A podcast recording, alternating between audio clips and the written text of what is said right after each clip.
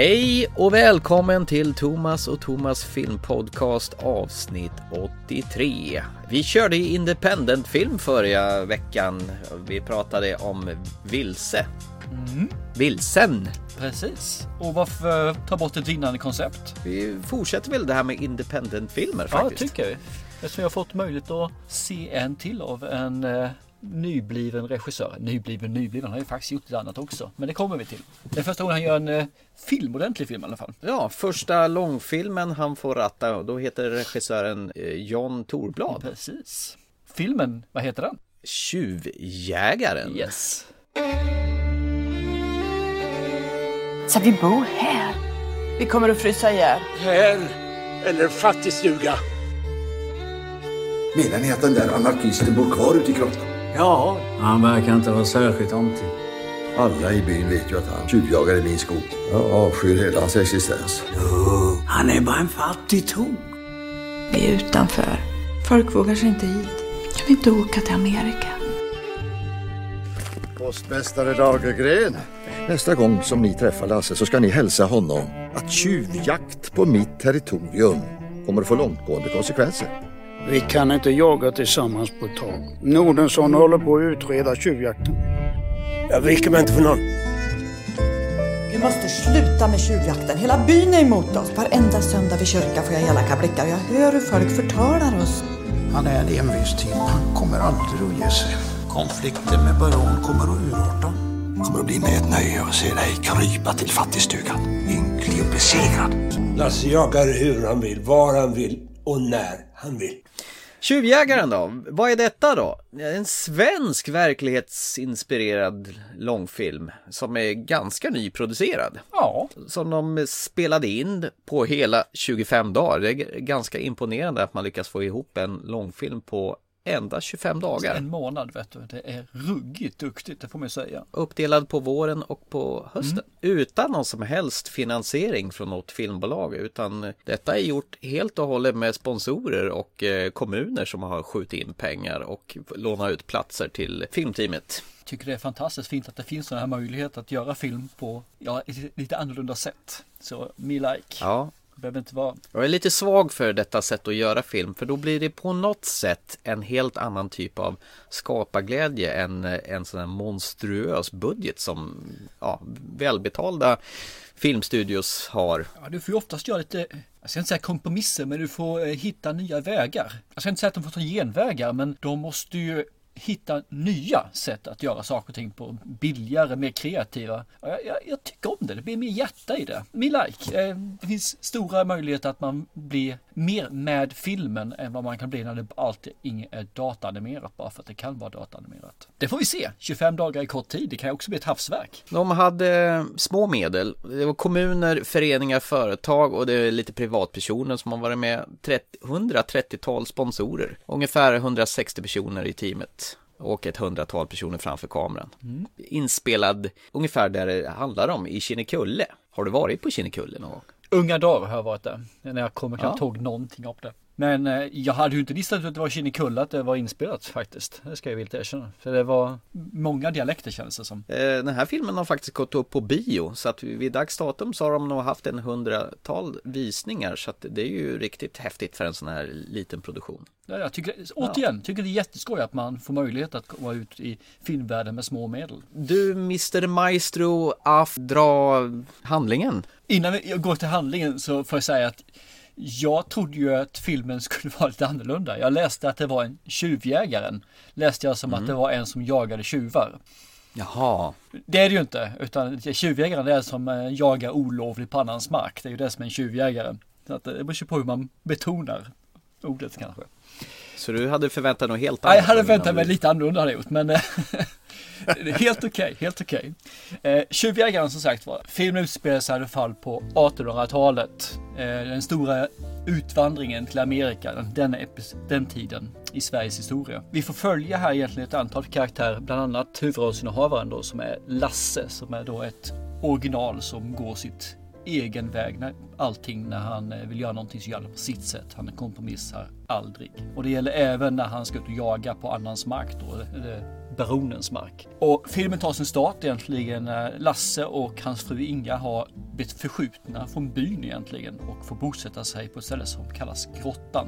Ja, det är ingen grotta utan det är ju då en väldigt nedgången och sönderrasat sönderrasad stenhus som de renoverar upp då egentligen här. Det här med att Lasse försöker hela tiden jaga vilt på en annans mark får ju sin lilla konflikt med baronen. För baronen har egentligen, jag tror inte han har egentligen så mycket ont av att Lasse jagar vilt utan det är mer ett sakens skull. Om han gör det så kommer flera göra det. Och baronen tar då till alla medel för att driva bort Lasse från grottan, från hans skog och egentligen från eh, socknen också då. Och det är väl det här som är kontentan i, i filmen som sagt var. Att baronens konflikt med Lasse. Så den rika mot den fattiga. Goliat mot David. Det, det är väl så mycket jag tänkte säga om filmens handling so far. Jajamän, det här är ju faktiskt en väldigt vacker film att titta på tycker jag. Den ser ju ut som ett eh, svenskt porträtt av den idylliska landsbygden. Fina färger, fina miljöer. Man blir sugen och längtar efter sommaren igen när man ser den här filmen. Jag håller med. Det finns väldigt mycket det här som är svenskt. Det är lövskogarna, det är ängarna, det är blommor, det är betesmarkerna. Allting finns med. De har verkligen fångat det som ett reklaminslag för Sverige mot Tyskland, att de ska komma hit liksom. Men det, det, det, är väldigt fint, det är som du säger, man blir väldigt sugen. Man blir nästan att man kommer tillbaka till barndomen igen på något eh, mystiskt sätt. Och sen med hela filmen så spelas det då ju såna här eh, trallvänlig harpelmusik och spelmannamusik då ju. Som, som jag trodde att jag skulle reta mig på i filmen faktiskt. Mm. det, det blir lite enerverande, trodde jag. Men den funkar för den passar väldigt bra in i filmen. Alltså det, mm. det är tidsandan, det, det, det blir rätt faktiskt. Mm. Det är ingen musik jag lyssnar på vanliga fall men den funkar väldigt bra i, i, filmen. Lasse spelas ju av Niklas Falk. Det är ju en eh, skådis som man har sett lite här och var faktiskt. När jag ser honom så tänker jag genast på Beck-filmer, Wallander, Millennium-filmerna eh, och så vidare. Till och med lite Jönssonligan har man sett honom i faktiskt. En, en liten fråga. Hans eh, fru Inga som han lever tillsammans i det här eh, grottan då som det kallas. Ja. De lever ju tillsammans men det är ändå så känns det som de lever särskilda på något vis. Han kör sitt eget race, han, kall, han pratar om sig själv i tredje person ungefär som att Lasse gör si, Lasse gör så, Lasse gör hur han vill. Eller Lasse jagar vart han vill. Och samtidigt så har du inga som drömmer sig bort. De har ju tydligen sina barn borta i Amerika som de säger. Och får ju brev från dem och vill ju att de kommer dit. Och hon i smyg så känner hon ju en väldigt längtan bort till att lämna landet och utvandra till Amerika. Och man får man känslan, gillar Lasse sin fru Inga överhuvudtaget? De, de rör ju sig på två olika plan, mm. tycker jag i alla fall. Eh, Lasse han lever här och nu. Får han jaga och göra det han vill och dra en sup så är han ganska nöjd. Mm. Inga vill ha mer, hon vill ha en social acceptans. Mm. Och hon vill nog, vill någonstans också i livet. Hon vill ha mer än det här med att klara sig för dagen. Hon vill tänka lite framåt. Det är väl det som är skillnaden. De är ett väldigt omaka par. Och, och hur de har träffats, det är lite synd för det får man aldrig reda på i filmen. De är ju gamla redan där, men sen de har barnbarn och de, de har sig barn i Amerika också. Det känns som att de blev ett par känns väldigt konstigt faktiskt, för de är så fruktansvärt olika. Mm. Visserligen så ska det där utspela sig jag kan gissa på 1800-talet. Ja men det är ju eh, någonstans där 1800 Ja precis, och då kanske det liksom inte var så där på samma vis som när man träffas nu utan det kanske blir något mer pliktskyldigt eh, äktenskap eller förhållande. Vet inte det, inte på den nivån tror jag inte. Det var nog hö- lite mer högre upp kan jag tänka mig som var pliktskyldigt. Där gifte man sig nog för att man vill gifta sig. Och man uppvaktades och så här, i alla fall den bilden jag har av den tidens Sverige.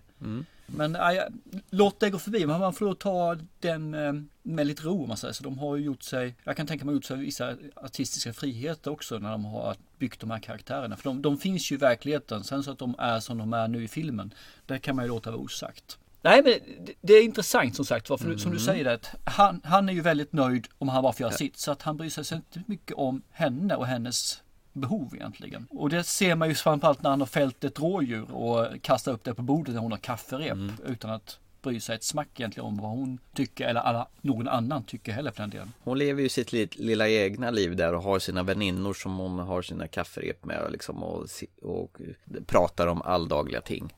Samtidigt så försöker ju hon skramla in pengar genom att, att jobba för en grevinna som spelas av Annika Liljeblad. Hon är där och syr upp kläder åt henne då. Och Annika Liljeblad tycker jag är helt fantastisk i rollen som den här grevinnan. En riktigt stark kvinna där. Så att vi har ju egentligen två starka personer då förutom Lasse. Det är ju grevinnan och sen har du ju baronen då som vi lite lätt nämnde i början då som spelas av Ingmar Karlehed. Han är ingen sån där skådis som har synts väldigt mycket men han har gjort väldigt mycket röster till Disney-produktioner. Det har han varit flitigt gjord utan han är en sån här svensk röst som man känner igen från tecknade filmer. Jag hade nog aldrig sett honom tidigare. Men de två är ju varandras motpoler, eller två motpoler ska man inte säga utan det är två drivna krafter som, som egentligen motarbetar varandra och i mitten har vi Lasse då. Mm. Jag tycker hon spelar väldigt bra och Ingmar Karlhed som spelar baronen. Till att börja med tyckte jag han spelade över och var lite sådär på gränsen till buskis skådespel. Men ju mer filmen led så tycker jag nog att när de börjar komma in på lite mörkare teman och han är en hotbild för Lasse då. Då tycker jag nog att han satte rollen mer och mer efterhand. Ja, han kanske kom in i rollen eh, när, det hade gått en stund också. Det kan ju faktiskt vara så, eftersom det var så kort tid som de spelade in det på så kan det vara rätt så svårt. Ja, ja precis. Att sätta rollen. Eh, vad säger du om filmen annars då? För jag kan bara ta hur jag upplevde eh, filmen. Mm. Eh, faktiskt så är filmen tillsammans med min mor som var här på besök. Mm. Första tiden där så kände jag bara att som, som den innan, jag är, ingen, jag är inte svag för svensk film. Jag, jag, tycker det finns väldigt få svenska filmer som eh, leder någonting. Och jag, jag, kände att det här är tyvärr en svensk film. Mm. Och det, det, är konstigt. Och Lasse pratar i tredje person. Det, det är liksom Lasse gör, Lasse är sjuk, Lasse dör. Sen kommer ljusningen. Mm. Den här lilla tösarbiten som kommer in här, deras eh, systerdotter var det kanske. Mm. Nej, barnbarn, det var deras, det var deras barnbarn var det. Och hon är ju väldigt duktig i skolan, hon kan läsa, hon kan studera, hon gör allt det som man eh, inte förväntar sig av arbetarbarn egentligen. Men är ju fruktansvärt lik Lasse i alla fall i till sättet. Så de kommer ju överens kopiöst bra. De finner ju varandra med en gång. Mm. Och här växer ju filmen. Det, det, det blir kul helt plötsligt. Det, det, blir en karaktär av Lasse istället för bara en stereotyp eh, Lasse gör. Lasse skjuter, Lasse dödar. Lasse går sin egen väg. Så blir det två personer som faktiskt byggde upp en relation med varandra under den här sommaren. De busar, de fiskar, de jagar, de ja, gräver fäller hela köret. Där tyckte jag att filmen verkligen tog fart och jag, jag jag blev såld på den. Jag kom in i filmen där. Men det, det tog lång tid. Och det var för att jag kände ingen sympati för Lasse. Utan jag tyckte att Bronen kunde gott mula honom alltså. För han mm. gav ingenting. Varför skulle man hålla på honom? Nej men det var lite så också kände jag. Han var ju bara en sur vresig gubbe som eh, bara brydde om sig själv och var sur på allt och alla. Social till förbannelse. Men det är som du säger, ljusglimten kom ju då med den här lilla tösen då. Och dynamiken mellan dem är ju fantastisk. Ja, hon säger inte mycket. Nej. Hon säger ingenting tror jag. Men hon har ju ansiktsuttryck och känsla ja. och man ser liksom att de två finner varandra på en gång och det räcker för att liksom övertyga.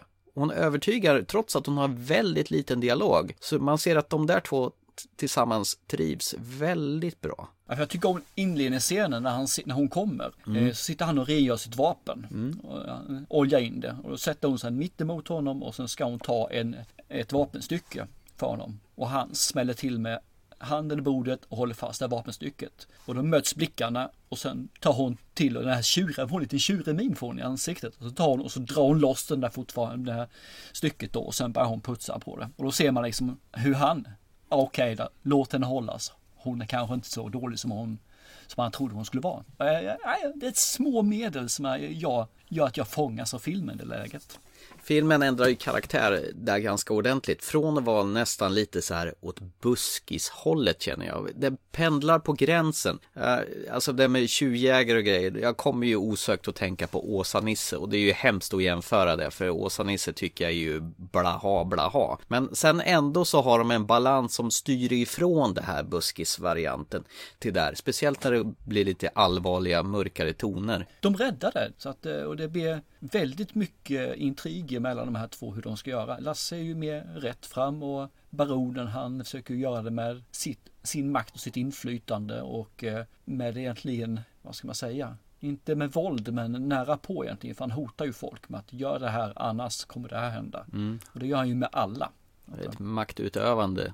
Sen tyckte jag det var kul att du nämnde Åsa-Nisse faktiskt därför det var precis det jag tänkte på också för Lasse är då är ju Åsa-Nisse i det här fallet. Även om det inte finns den här eh, showflight-humorn som finns i Åsa-Nisse-filmerna så är han Åsa-Nisse, det är han ju. Och så har vi brevbäraren då som är Klabbappan. Postmästare Lagergren ja. Precis, mm. och de är ju, det är precis kopior fast de har tonat ner humorn då och eh, tagit bort den här pilsnerfilmsaktigheten som mm. finns då i de gamla Åsa-Nisse. Ja, även fast de dricker snaps ganska frekvent. De dricker utav helsike, det gör de.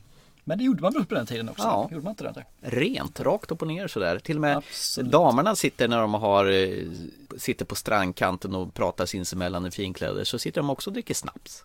Givetvis. Kände du igen postmästare Lagergren förresten? Nej, känner inte igen honom. Jag satt och funderade på bra länge, vad har jag sett den här människan? Och sen var jag tvungen att rota lite grann i det förflutna, då hittade jag honom i en tv-serie som hette Snoken. Han var bra många år yngre där, men hade en hund, en svart hund som följde honom bara. Han var någon slags privatdetektiv. Den kommer jag ihåg däremot alltså, det gör jag. Är det han? Det är han, Lys. fast nu har han blivit ett par år äldre par decennium äldre, ja precis. Likadant Lennart Julström som spelar prästen som hade i sig en ganska liten roll i den där. Han har ju varit med i diverse Beck-produktioner och brukar spela gangsters eller någon sån här eh, högt uppsatta personer som har makt. För han har lite det utseendet. Fast nu hade han blivit våldsamt Han känner jag däremot igen, så alltså. För ja. den, den utseendet, det, det, sitter ju, ja man, man lägger märke till det. Mm. det. Och så har han en väldigt eh, stor karisma den eh, personen också i sig själv. Och sen har vi faktiskt våran eh, egen Hanna Likander som figurerar väldigt flitigt här i Örebro på Örebros teater som har varit massvis med uppsättningar. Hon spelar Ida. Så det är jättekul att en, en kvinna från Örebro är med i denna film också. Absolut. Måste det tycker vi om. Måste vi slå ett slag för.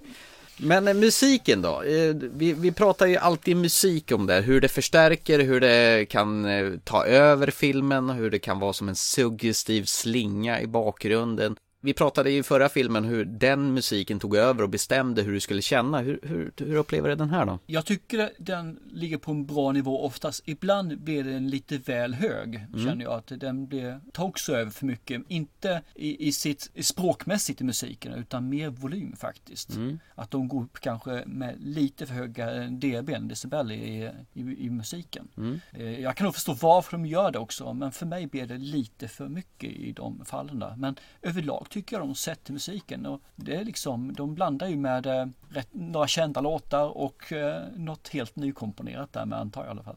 Den passar ju väldigt bra till själva, för att sätta stämningen på själva Ja, och och åldern på filmen mm. när den utspelas. Mm. Återigen, jag tycker den är ju vacker. De har ju fått till speciellt ett par scener vid någon solnedgång när de går förbi en sjö. Det, då känner man, åh gud vad jag längtar till sommaren. Vi, när vi spelar in detta nu så är det i december. Sommaren är ju underbar och det här är ju liksom, får ju en verkligen att, ja det här är ju härligt alltså. Fina gröna färger, fina miljöer och, ah, det är ju underbart att se på. jag kan inte mer hålla med. Mm. Fast det är så långt borta så det känns eh, onåbart just nu. Ja.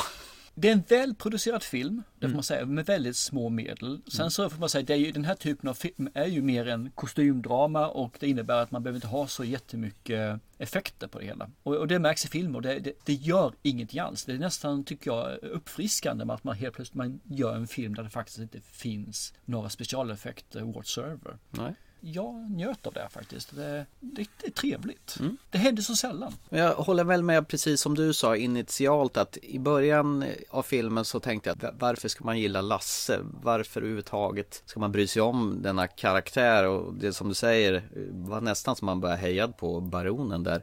Men efter en stund då när han möter eh, den här tösen då som kallas för barnbarnet då, då ändrar ju filmen total karaktär och fångade mig helt och hållet och höll hela vägen ända in i mål. Saken är den att jag fann fortfarande inte någon sympati för Lasse. Däremot så kanske jag mer sympatiserade kring folket kring Lasse som skulle påverkas. Så Lasse i sig kände jag egentligen ingen sympati för och brydde mig inte så mycket om egentligen. Och det är nog mest för att han pratade med sig själv om sig själv i tredje person. Mm. Och det, det tycker jag var synd att han gjorde, för det blir lite grann att han blir lite grann en, en, en imbecill. Ja, lite efterbliven. Mm. Och det kanske han var och skulle, skulle framstå som, men det, det, det var lite synd för det blev svårt att eh, tycka om karaktären. Mm. Väldigt svårt.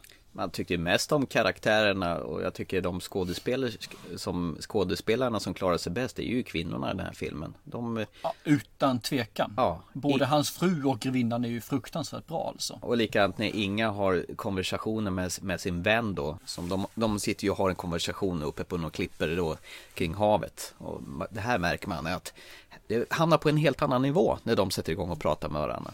Bra du tog upp den. Det- den scenen tänkte jag på och det var just där det verkligen känns att de här två personerna pratar med varandra. Eh, Det är inte manus utan de pratar med varandra. Och det tyckte jag var en oerhört fin scen. För jag kände att där kom jag in, det blev personerna och det blev inte manuset som pratade med varandra. Och det, ja, det var en av de bättre scenerna faktiskt. Och återigen, Vi är oanat och oförskämt eniga om den här filmen. Ja, det verkar så.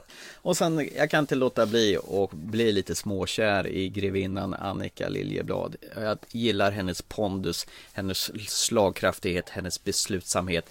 Hon är väldigt vacker att se på också. Ja, då, jag tror att det är för att hon har den pondusen som gör att hon blir fruktansvärt vacker. Alltså det. Jag tycker, som, som vi nämnde, bara för att knyta ihop lite grann här om filmen, vad jag tycker och känner, det är att ja, men det är kul i alla fall att se det här, för det blir ju en, baronen i det här fallet, han är ju den stora maktfaktorn. Lasse är ju då den lilla människan och så har vi grevinnan som faktiskt är en ännu större maktfaktor. Och alla försöker ju nyttja varandra i, ett, eh, i en lustig dans om man säger så. Mm jag, jag tycker det är kul för det, blir liksom, man kan nästan säga det som att det blir i dagens samhälle. Så finns ju vanliga människan, ja, du och jag då Thomas, eh, nyttjas ju egentligen av kommun och landsting.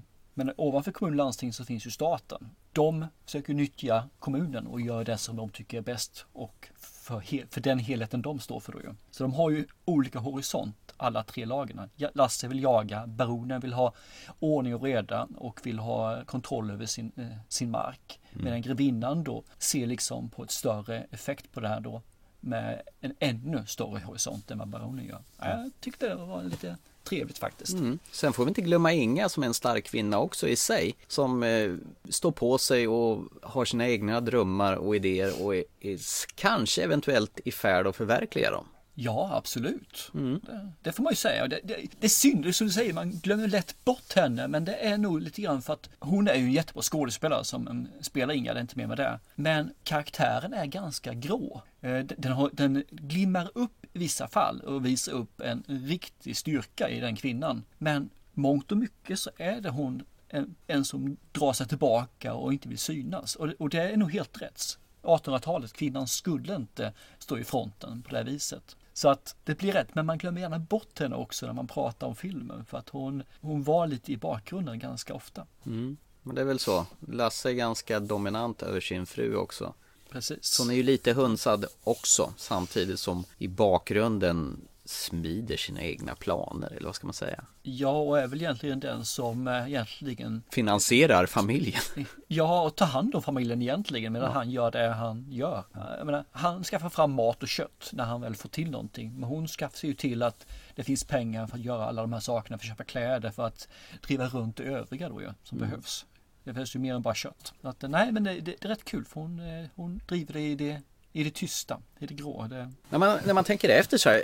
Jag var tvungen att smälta den här filmen någon dag eller två. Efter jag hade sett den då tänkte jag, äh, mm. men så gick det någon dag, sen växte filmen i mina ögon. Och så gick den en dag till och så började jag tänka mer och mer på den. Och vad, vad, var det, vad var det jag såg? Vad var det jag upplevde egentligen? Och sen med tanke på hur produktionen är gjord och med dessa talangfulla människor som på så kort tid har gjort någonting som gör, som fastnar i sinnet. Det är beundransvärt tycker jag. Ja, jag är imponerad. Väldigt imponerad så jag, absolut. Det finns otroligt duktigt folk och kreativt, kreativa människor i Sverige alltså.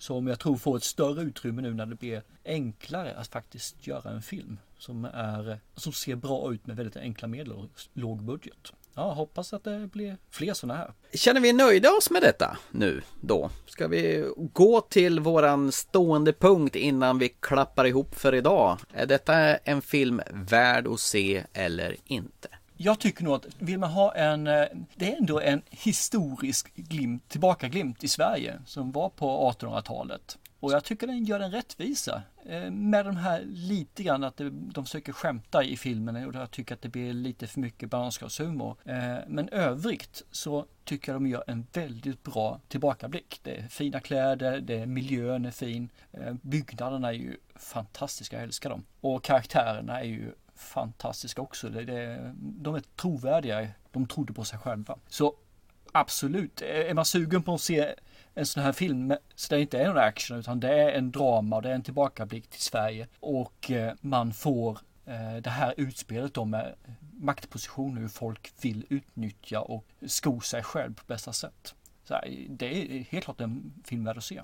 Det är det. Jag har ingenting mer att tillägga. Jag är helt nöjd med din utläggning där faktiskt fantastiskt fint svenskt porträtt från förr i tiden som jag tror, om de skickar ut den här lite på filmfestivaler ute i Europa eller kanske flörtar med USA i och med att eh, de vill åka till Amerika så tror jag nog att det här kan nog slå utanför landets gränser också faktiskt. Just för, det är mycket möjligt. Just för att den är så vacker att se på också. Och framförallt är det ett rätt så trevligt eh, ledmotiv till filmen som eh, Cornelius Vreeswijks son Jack Vreeswijk sjunger. För, både förtexterna och eftertexterna. Bra där också. Håller med fullständigt. Ja. Det är kul. Med det så får vi väl tacka för visat intresse återigen. Vi finns på iTunes. Där klättrar vi som en riktig fyrverkeriraket. Det tycker vi är jätteroligt. Och eh, ni får gärna prenumerera på oss, sprida oss till eh, alla era vänner och bekanta som gillar att lyssna på filmpodcast snack. Vi finns på Twitter, vi finns på Instagram. Ja, ni hittar oss ju precis överallt. Och vill ni mejla oss så finns vi ju på ttfilmpodcast@gmail.com om ni vill önska någon, någonting vi ska prata om eller dylikt. Så det återstår att säga och tack för ikväll och tack för visat intresse och se en bra film så hörs vi om ett par veckor igen. Chip chip. Köp. Hej! När ingen vill hysa den lägsta klass Bittra får det dra iväg med sitt lass Flytta ut i det fria med egen nejd som komma att leda till tjurskallig fejd. Årstider skiftar liksom hans temperament när vinden som blåser hastigt har vänt.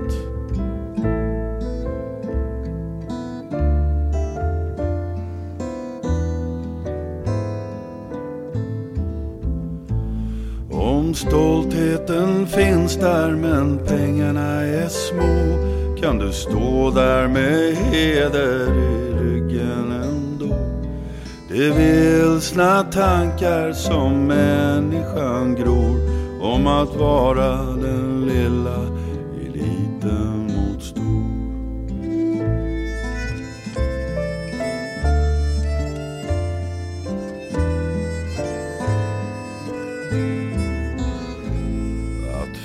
fästa sig vid sin egen avskildhet och älska den vilda skogens frihet. Bortom gemenskap är människan själv och ensam hon flyter på en fridfull älv. När ensamheten kommer och han hyser sitt agg faller hennes tårar som morgon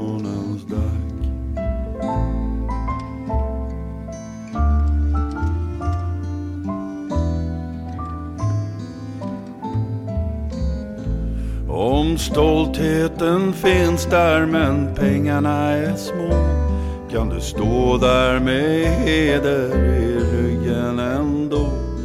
Det vilsna tankar som människan gror om att vara den lilla eliten mot stor.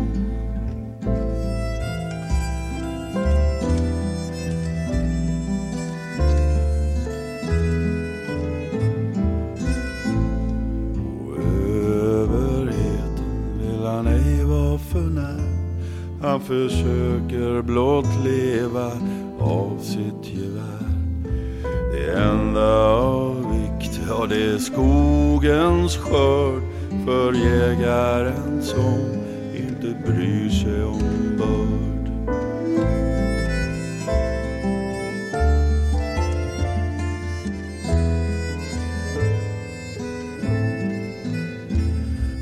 stoltheten finns där men pengarna är små kan du stå där med heden i ryggen ändå.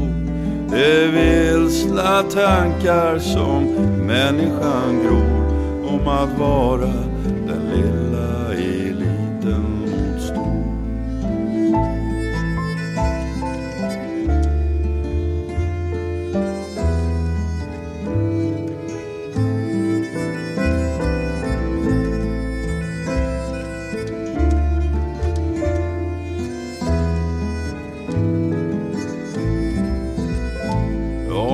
stoltheten finns där men pengarna är små kan du stå där med heder i ryggen ändå. Det är vilsna tankar som människan gror om att vara